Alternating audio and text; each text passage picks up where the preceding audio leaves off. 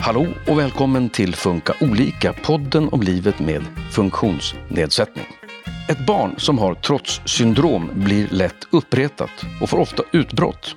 Vi träffar en förälder vars barn har diagnoserna ADHD och trotssyndrom samt en psykolog med stor erfarenhet av att ge stöd till familjer. Tillsammans pratar vi om vad som krävs för att bryta mönstret av bråk och trots. Mitt namn är Susanne Smedberg och jag sitter här tillsammans med Maria Hellander. Hej Maria! Hallå, hallå! Du är psykolog och har länge arbetat inom barn och ungdomspsykiatrin. Idag så utbildar du andra psykologer vid Kompetenscentrum för psykiatri. Du har också forskat om behandling för barn med trotssyndrom, eller ODD, Oppositional Defiant Disorder, vid Karolinska institutet. Ja. Välkommen också Linda Andersson. Tackar. Du är förälder till en dotter som idag är 11 år, som fick diagnoserna ADHD och trotssyndrom när hon var åtta. Ja, stämmer bra det. Linda, hur visar sig trotssyndromet hos din dotter?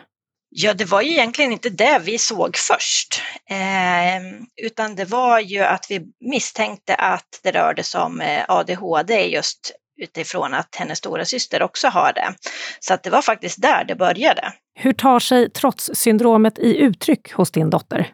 Eh, ja, det kan ju vara eh, små saker som stora saker, någonting som går emot, som inte går som hon vill och önskar. Eh, så visar det sig ganska snabbt. Eh, gillar inte att någon vuxen eh, kring henne egentligen eh, kan säga att nej, det här kan du inte göra, utan vi måste göra så här, för då har hon en, en uppfattning om hur det ska vara och då vill hon ha det på det viset. Och hur blir hon då när hon eh, får den här eh, motsägelsen eller när det inte blir på det sättet hon vill ha det? Ja, det kan ju gå fort. Eh, det går verkligen från noll till hundra. Ibland så kan man, nu har det ju gått en tid så att man, man lär sig ju att känna igen eh, tonläge, kroppsspråk och så. Eh, men som sagt det kan gå väldigt fort. Eh, och det kan vara från att eh, som sagt var att vi, vi talar om att nu ska vi göra det här och så kanske hon har en plan på vad hon ska göra. Och det, det, kan vara en sån enkel sak. Eller att hon leker med någon kompis, kompisen kanske vill något annat än vad hon vill. Att hon spelar ett spel där det går emot henne. Så att det kan vara stora som små saker. Hur kan ett sånt här liksom utbrott eller trots se ut? Eh, det kan vara att hon gapar och skriker, slänger saker. Eh, tyvärr så händer att saker går sönder. Eh, hon brukar också agera ut på sig själv. Hon slår sig själv och hon klöser sig själv. Så det är lite så det kan se ut. De här utbrotten, får hon dem även utanför hemmet, i skolan till exempel? Ja, det gör hon. Det, det är oftast när det är vuxna det, det händer också bland hennes eh, vänner och kompisar sådär, men det, det, är oftast när det är vuxna i, i närheten, det, det är då det kommer. Och hur kan det liksom se ut i skolan? Vad är det som kan trigga ett utbrott där?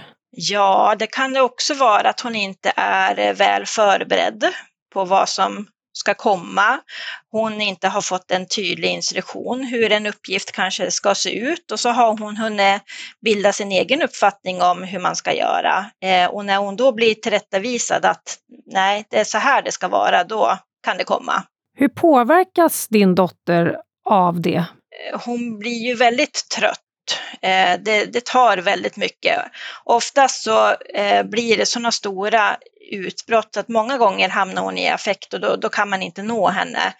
Och där är hon så, där har vi provat oss fram. Eh, så att där känner hon att då vill hon att vi omfamnar henne och så att vi bara sitter så tills att hon känner att hon, hon är liksom på banan igen. Hur funkar det med den biten i skolan då? Ja, där, eh, där är det svårare för att man har svårare att förstå henne och hur man ska agera och vad man ska göra och vad man inte ska göra. Så där har vi haft problem just för att de har tagit tag i henne och de har helt enkelt inte riktigt förstått var, varför hon agerar som hon gör.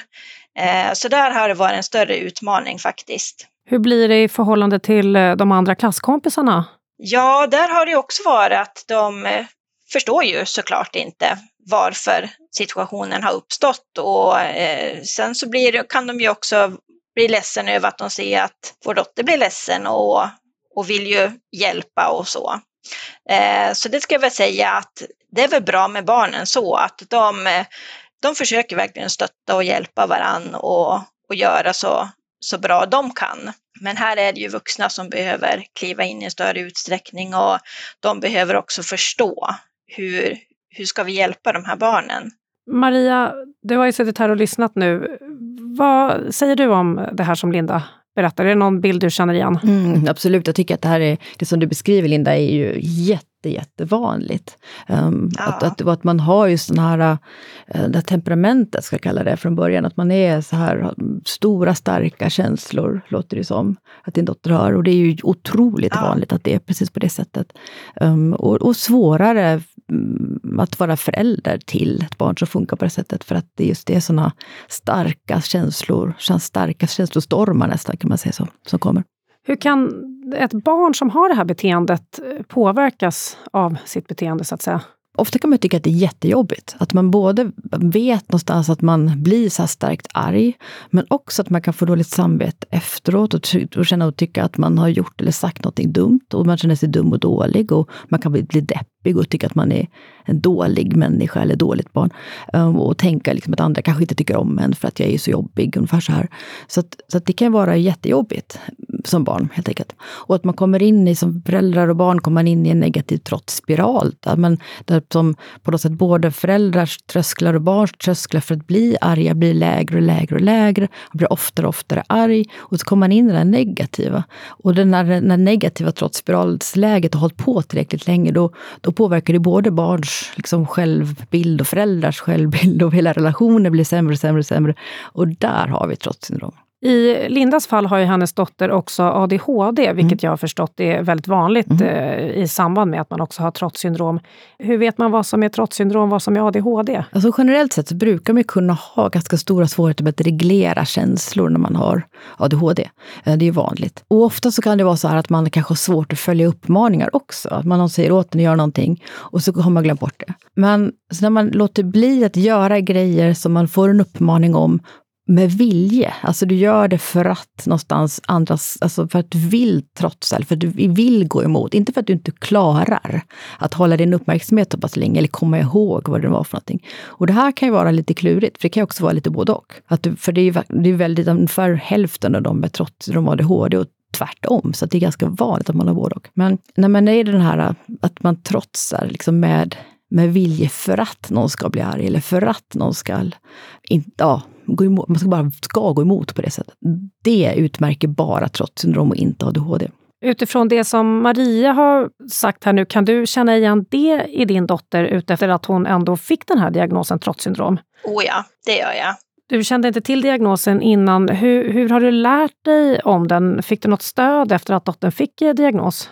Nej, det har det varit sämre med eh, ska jag säga. Eh, så att det vi har lärt oss det är väl att ja, vi har ju tagit reda på eh, fakta från eh, internet och läst oss till. Eh, och sen har vi ju provat hemma vad, vad som fungerar och vad som inte fungerar. Vi har också suttit och pratat med henne när hon har haft bra stunder och frågat henne, för det är någonting som vi tycker är viktigt och man inte får glömma att man pratar med barnet och inte pratar över huvudet på dem. Eh, så att vi har pratat med henne om när det blir så här, vad, vad vill du att vi gör då? Hur ska vi göra för att det ska bli så bra som möjligt? Så att vi har provat oss fram.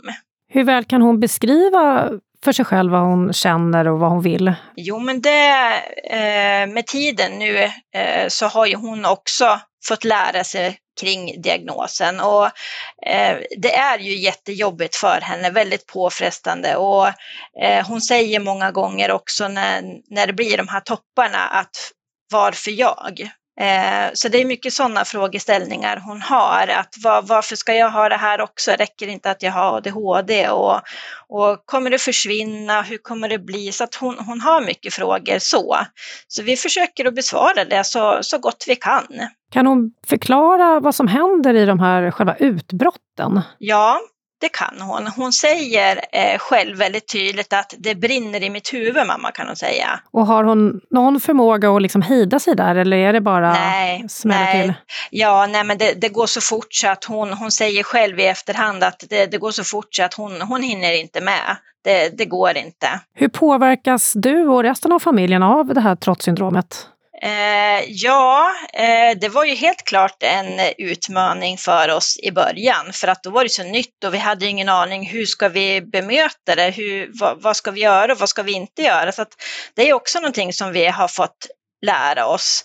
Eh, och att, eh, det vet man själv, när man har haft en eh, tung och jobbig dag på jobbet så kanske eh, stubinen är lite kortare. Men där har vi också fått lärt oss att eh, det, det tjänar ingenting till att man själv brusar upp utan snarare så eskalerar allting och så blir det flera gånger värre. Så att eh, där hjälps vi åt. Eh, så att där, där brukar vi när vi möts hemma efter arbetet, att då talar vi om att ja, men min dag var det så här, eh, jag känner mig lite trött och då tar den andra vid. Så att vi, vi tar draghjälp av varandra så, så att man också orkar, för det, det är tungt, det är det. Maria, utifrån din erfarenhet, hur kan det vara att vara förälder till ett barn som har trotssyndrom? Alltså jag tycker att Linda beskriver väldigt väl här, för just den här, det här att det kan vara tungt, säger du. Och det, det, det är ju så att när, när, vi, när jag har träffat på föräldrar som kommer till barnpsykiatrin, då, har, då är man ju ofta helt utpumpad och utmattad och all, all energi går till det här. Och man, man har, alltså det är nästan, föräldrar beskriver att det kan vara skönt att gå till jobbet för att då får jag vila lite och någonstans få, ja, att det, det är så pass krävande. Alltså, att ha de här konflikterna hela, hela tiden, det dränerar kraft hos en själv och, och, och hela familjen. Det här med att eh, de inte fick någon information eller stöd kring mm. trotssyndrom, är det vanligt? Jag har hört det från andra håll, att man inte riktigt mm. får någon hjälp kring det där. Ja, men det har jag också hört från andra håll. Eh, jag kan inte säga hur vanligt det är, för det vet jag inte.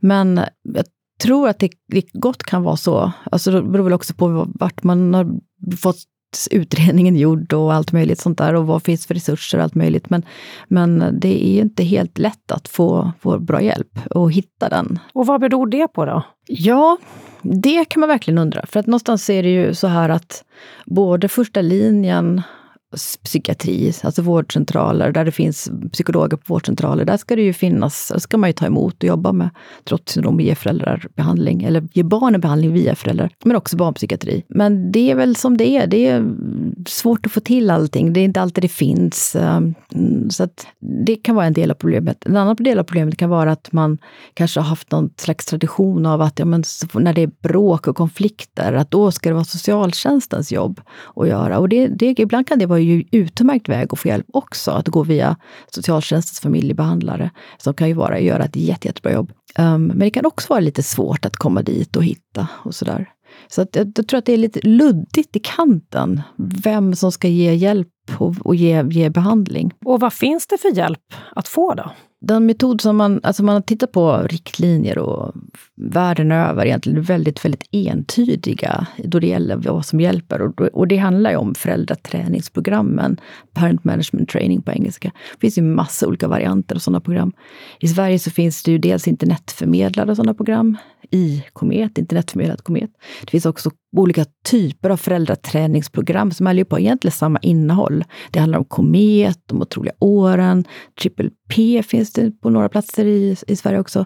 Um, men de har, innehåller egentligen samma saker. Om vi går igenom lite grann vad de innehåller då. Eh, vad börjar man när man börjar ett sånt här program? Alltså, egentligen all behandling av trotssyndrom handlar om att först bygga upp en god relation för att sen börja minska på, alltså jobba med strategier för att minska beteendeproblemen. Och det här är ju för att när man är inne i den här bråkiga trotsspiralen så, så tär det så mycket på relationen.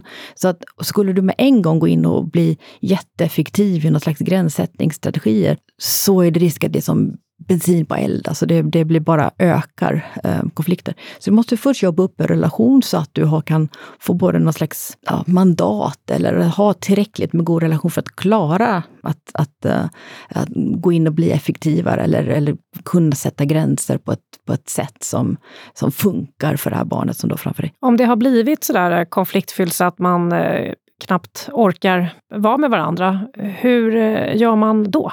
Ja, det är en väldigt vanlig ingång. Och man kan tycka att, att man, alltså 100% av tiden man har ihop kan ske i konflikt. Och så har man noll tid ihop som är, som är god och trevlig. Det som man försöker hjälpa föräldrar med då, det är att börja ändå öka positiv tid ihop. Alltså om det kan handla om, man börjar prata ju ofta om att ha en liten stund varje dag. Istället för att ha långa stunder som är jättegoda och fina och vackra. Så en liten kort stund, men varje dag så att det kommer hela, hela tiden. Så att det kanske är så att man lyckas få till den här stunden någon gång kanske i veckan. För ofta så kan jag också tycka att föräldrar, när jag möter föräldrar som har det så här kämpigt, att de här små stunderna, när man väl börjar få till dem, så, vill, så får man också ofta ett kvitto tillbaka från barnen. Att ja, men, man får den här kramen kanske. Och det gör ju någonstans att, att du äh, får lite, orkar fortsätta och, och vill fortsätta äh, på det spåret också. Och äh, vad är det mer då som ingår? Hur ska man vara mot barnet? Alltså, generellt sett så handlar det om att försöka öka chansen att barnet ska klara av att följa uppmaningar, säger vi till exempel. Och för att de ska klara det, så om många fungerar ju på det sättet som, som Lindas barn. Och det är att man kan behöva en ordentlig förberedelse, så att man hinner ställa in sig ordentligt i att ja, men det, här, det här kommer att ske. Och ge den i hyfsat god tid så man hinner med att ställa in sig på att nu ska det här hända. Och sen att vara väldigt, väldigt tydlig i liksom en, en rak, tydlig uppmaning som inte har de här sluta eller gör inte det här. För det är, det är otydligt, då vet man inte riktigt vad som betyder.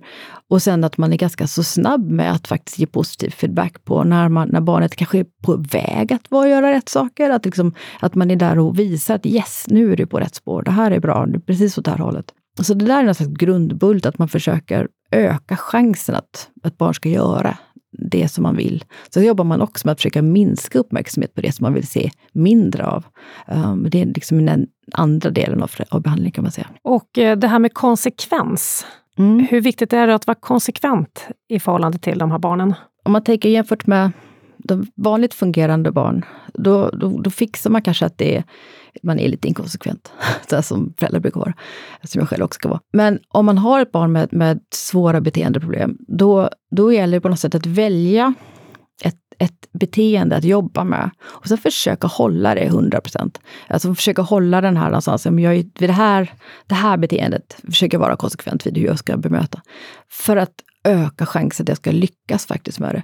Och här är det vanligt att man som förälder försöker ha igång jättemånga olika, liksom försöker jobba på massor med olika fronter samtidigt. Massor med olika beteenden som man vill förändra och förbättra och, och allt vad det. Och då är det väldigt svårt att vara konsekvent.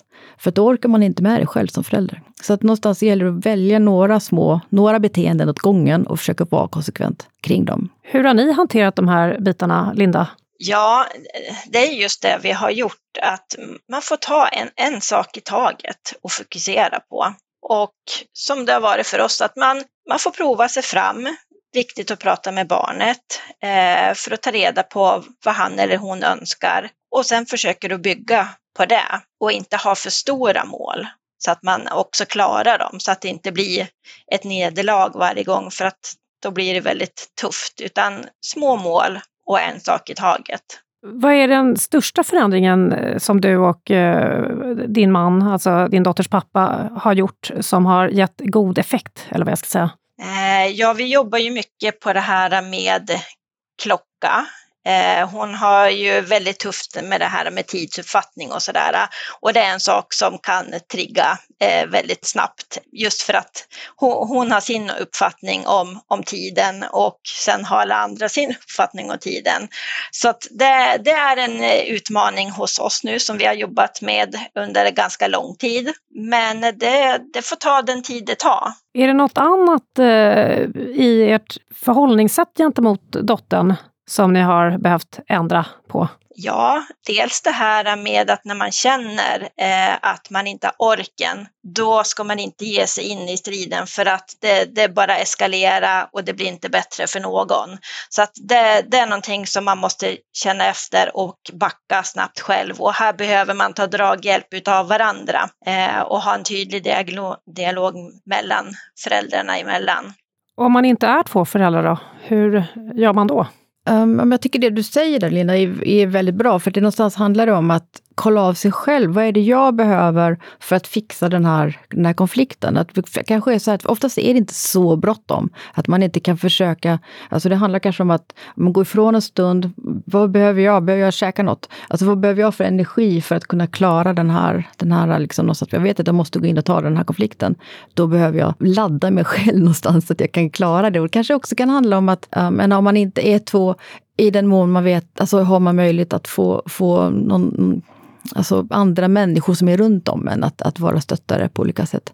Men, men framförallt så handlar det om att ge sig själv en chans att, att ge, fylla på egna batterier. Så pass att jag vet att men nu fixar det. Men det kan handla om att alltid äta liksom innan jag ska hämta på skolan eller vad det är. Så att jag är liksom laddad och, och, har så mycket energi jag kan för att jag ska klara det. För att kunna fortsätta hålla sig lugn. För det är precis som du säger Linda, att det här med att faktiskt vara lugn, att lyckas hålla sig lugn.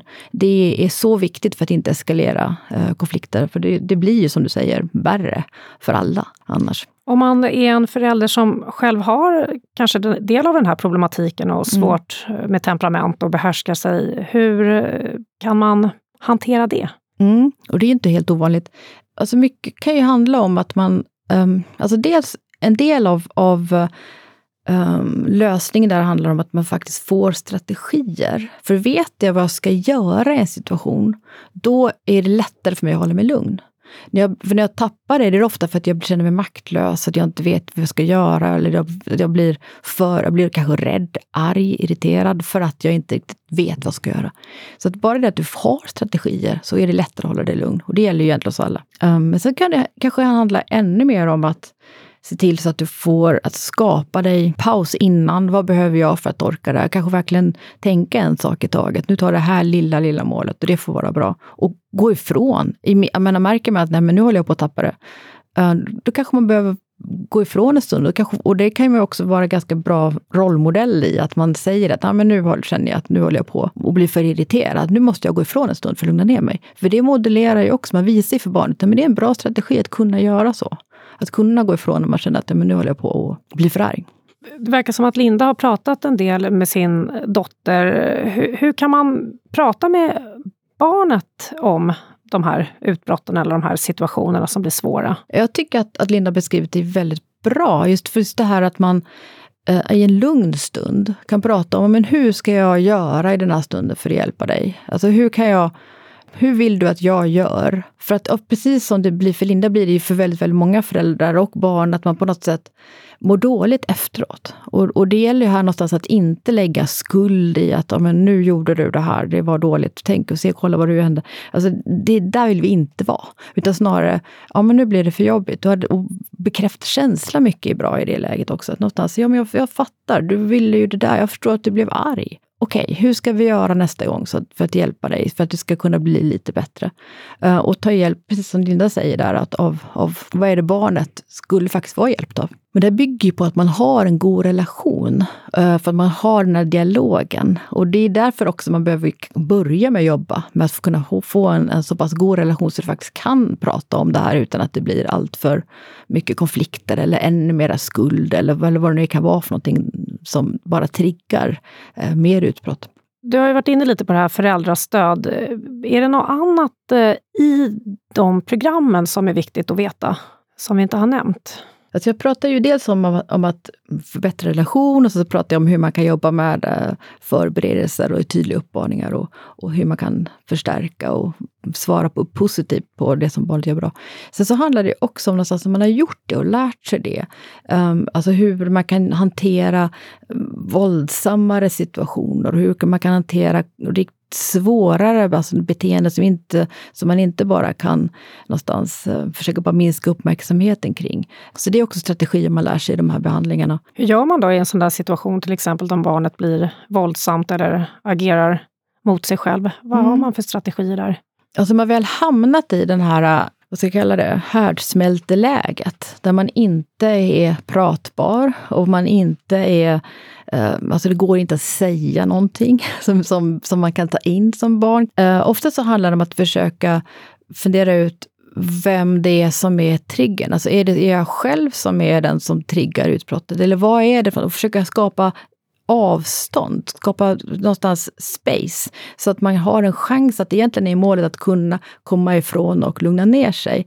Um, så att man, och då kan man behöva få bort det som triggar. Ibland så kan det vara så att man kan behöva försöka hjälpa barnet att komma ifrån själv, bara för att försöka, okej, okay, nu, nu behöver vi bara ta någon slags paus här för att få ner alla känslorna, för att kunna hitta lösningar igen, för att kunna börja prata lösningsprat igen. Om man tänker, eh, hur ska vi göra? Men ibland så handlar det om att, att vänta, vänta ut och tänka att ja, men okej, nu får vi ta, nu gör vi ingenting. Nu, nu behöver vi paus här. Eh, men är det farliga grejer, då behöver man någonstans försöka skapa um, hjälpa barnet att komma ifrån vad det nu kan vara för någonting som kan bli, kan bli om det handlar om att man blir, börjar slå på sitt syskon eller liknande, då behöver man ju förstås um, skapa yta, så, distans mellan syskonen. Så här. Det här är lite klurigt att prata om bara så här kort, men, och ingenting som man egentligen ska sätta igång och göra alldeles själv, uh, utan snarare med stöd. Hur har ni gjort, eh, Linda, för att hantera din dotters utbrott uh, när hon har blivit våldsam mot sig själv då kanske framför allt? Ja, där eh, har vi ju när, när hon har haft sina bra stunder så har vi pratat med henne just om det. När det blir så att hon, hon hamnar i ett affekttillstånd där vi inte kan nå henne, vad, vad, vad vill hon att vi gör nu? Och där har vi provat många olika saker. Eh, men där vi har landat i det är att, att hon, hon vill att vi, vi sätter henne i famnen och omfamnar henne. Men att man, det får man tänka lite grann på också, att man inte kanske omfamnar för mycket om jag säger så. Att de ändå känner att de har lite space, men att man ändå finns där. Vi har pratat eh, om stöd till föräldrar. Finns det också stöd som riktar sig till barn, alltså lite äldre barn då tänker jag? Mm, ja, det finns, alltså, det är det här som jag har hållit på med i min forskning som handlat om, om hur man kan hjälpa barn att träna upp färdigheter som man har svårt med. Och det kan handla om att lära sig strategier för att lugna ner sig eh, när man är väldigt arg och problemlösningsstrategier. Ehm, det finns ännu inte spritt i Sverige. Om man tänker de metoderna som vi, vi forskade på är inte ännu spridda i Sverige. Ehm, men däremot så kan ju kan ju många av de här äh, teknikerna som man, som man lär sig som psykolog när man lär, går, en, går en psykologutbildning, eh, att lära sig att vara fäktskola. hur känner jag olika känslor i min kropp och hur, hur gör jag för att lugna ner mig? Eh, hur gör jag för att fundera kring lösningar på problem? Alltså det är sånt som är ganska generellt i, i mycket av, av behandling eh, och inte speciellt konstigt egentligen. Eh, och det har man sett också ganska god effekt av, att man hjälper barn att träna sig på sådana färdigheter som man har svårt med. Om man eh, får sån här behandling då, går sådana föräldrastödsprogram till exempel, hur snabbt kan man vänta sig någon effekt? Föräldrastödsprogrammen är ju ofta på um, 11 gånger 2,5 timmar i gruppformat och kanske, jag tror det är nio gånger, direkt för att ta med en nypa men ungefär så när man kör internetförmedlad behandling. Ofta kan man börja se effekterna efter en tre, fyra gånger. För då börjar man få den här vändningen i, i relationen. Men eh, ibland kan du vänta tills mot slutet tills man ser effekterna. Men ofta min kliniska erfarenhet är att man ser det ganska så snabbt. Um, att man börjar, börjar vända den här eh, trots spiralsläget. Kan eh, diagnosen eh, gå över eller kan man bli av med diagnosen? Ja, men absolut. Och tanken är ju att det är ju en lika behandlingsbar diagnos som depression eller ångest. Man tänker. Så det ska egentligen vara så här att man ska kunna få en behandling som kanske sträcker sig ett, ett, en termin och att man sen kan ta bort diagnosen. Eh, när det inte längre är så här pass mycket problem som, som att man, så att man uppfyller diagnosen längre. Linda, ni har ju eh, tagit reda på information och själv eh, sökt sätt som funkar. Är det något stöd som du liksom känner att du skulle önska? Ja, jag hade väl önskat ett, ett eh, lite bredare stöd som förälder just när det kommer till skolan. För det kan jag tycka är, är tufft. Man, man är lite utlämnad där och att fortfarande hålla orken och energin att strida mot skolan och tala om varför är det så här och ni måste arbeta på det här viset och att de har förståelse för det. det ja, jag önskar att man hade lite mer uppbackning där faktiskt. Vad skulle du ge för tips till andra utifrån din egen erfarenhet? Ja, men det är just att eh, man ska våga prova. Eh, det är jättetufft, jättejobbigt. Man hamnar i situationer som man egentligen inte alltid vet hur man hamnat där, vad det var som utlöste och hur man löser det. Men att man inte räds för det. Och man, man kommer att gå på, på nitar många gånger. Eh, men man lär sig hela tiden utifrån det. Och att det är viktigt att man, man provar. För till slut så kommer man att hitta en lösning som fungerar just för sitt barn. Har ni eh, föräldrar där hemma alltid liksom haft gemensam syn kring hur ni ska göra? Eller? Ja, men det tycker jag. Vi eh, ser på saker och ting väldigt likt eh, kring båda våra döttrar eh, i och med att båda har diagnoser. Så att vi samspelar väldigt bra skulle jag säga och vi, vi har varit bra på att ta draghjälpen av varann eh, just för att man, man måste tillåta varandra att få lite andrum eh, och ladda batterierna. Eh, samtidigt som det är viktigt när man har eh, stunder, att man tar tillvara på dem tillsammans eh, som par också. Oavsett om det är tio minuter på en dag så är det viktigt att ta de tio minuterna för att man ska orka. Maria, vad händer om man inte får hjälp eller lyckas hjälpa sitt barn kring det här? Ja, så det finns mycket som säger att, att alltså, att det helt enkelt fortsätter.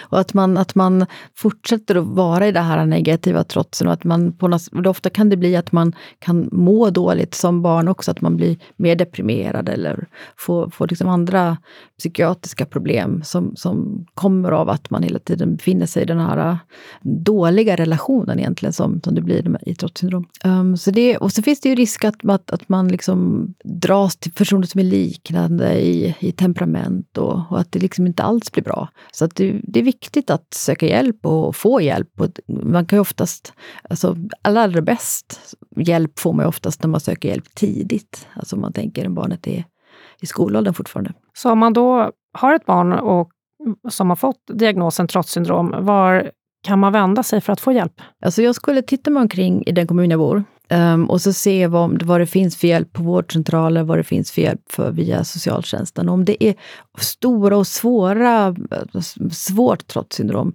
då skulle jag söka mig till barnpsykiatri um, och se vad det finns. Och jag skulle också leta efter internetförmedlad alltså komet, som ju uh, ibland kan man kan fås lite mer på distans uh, om man har tur.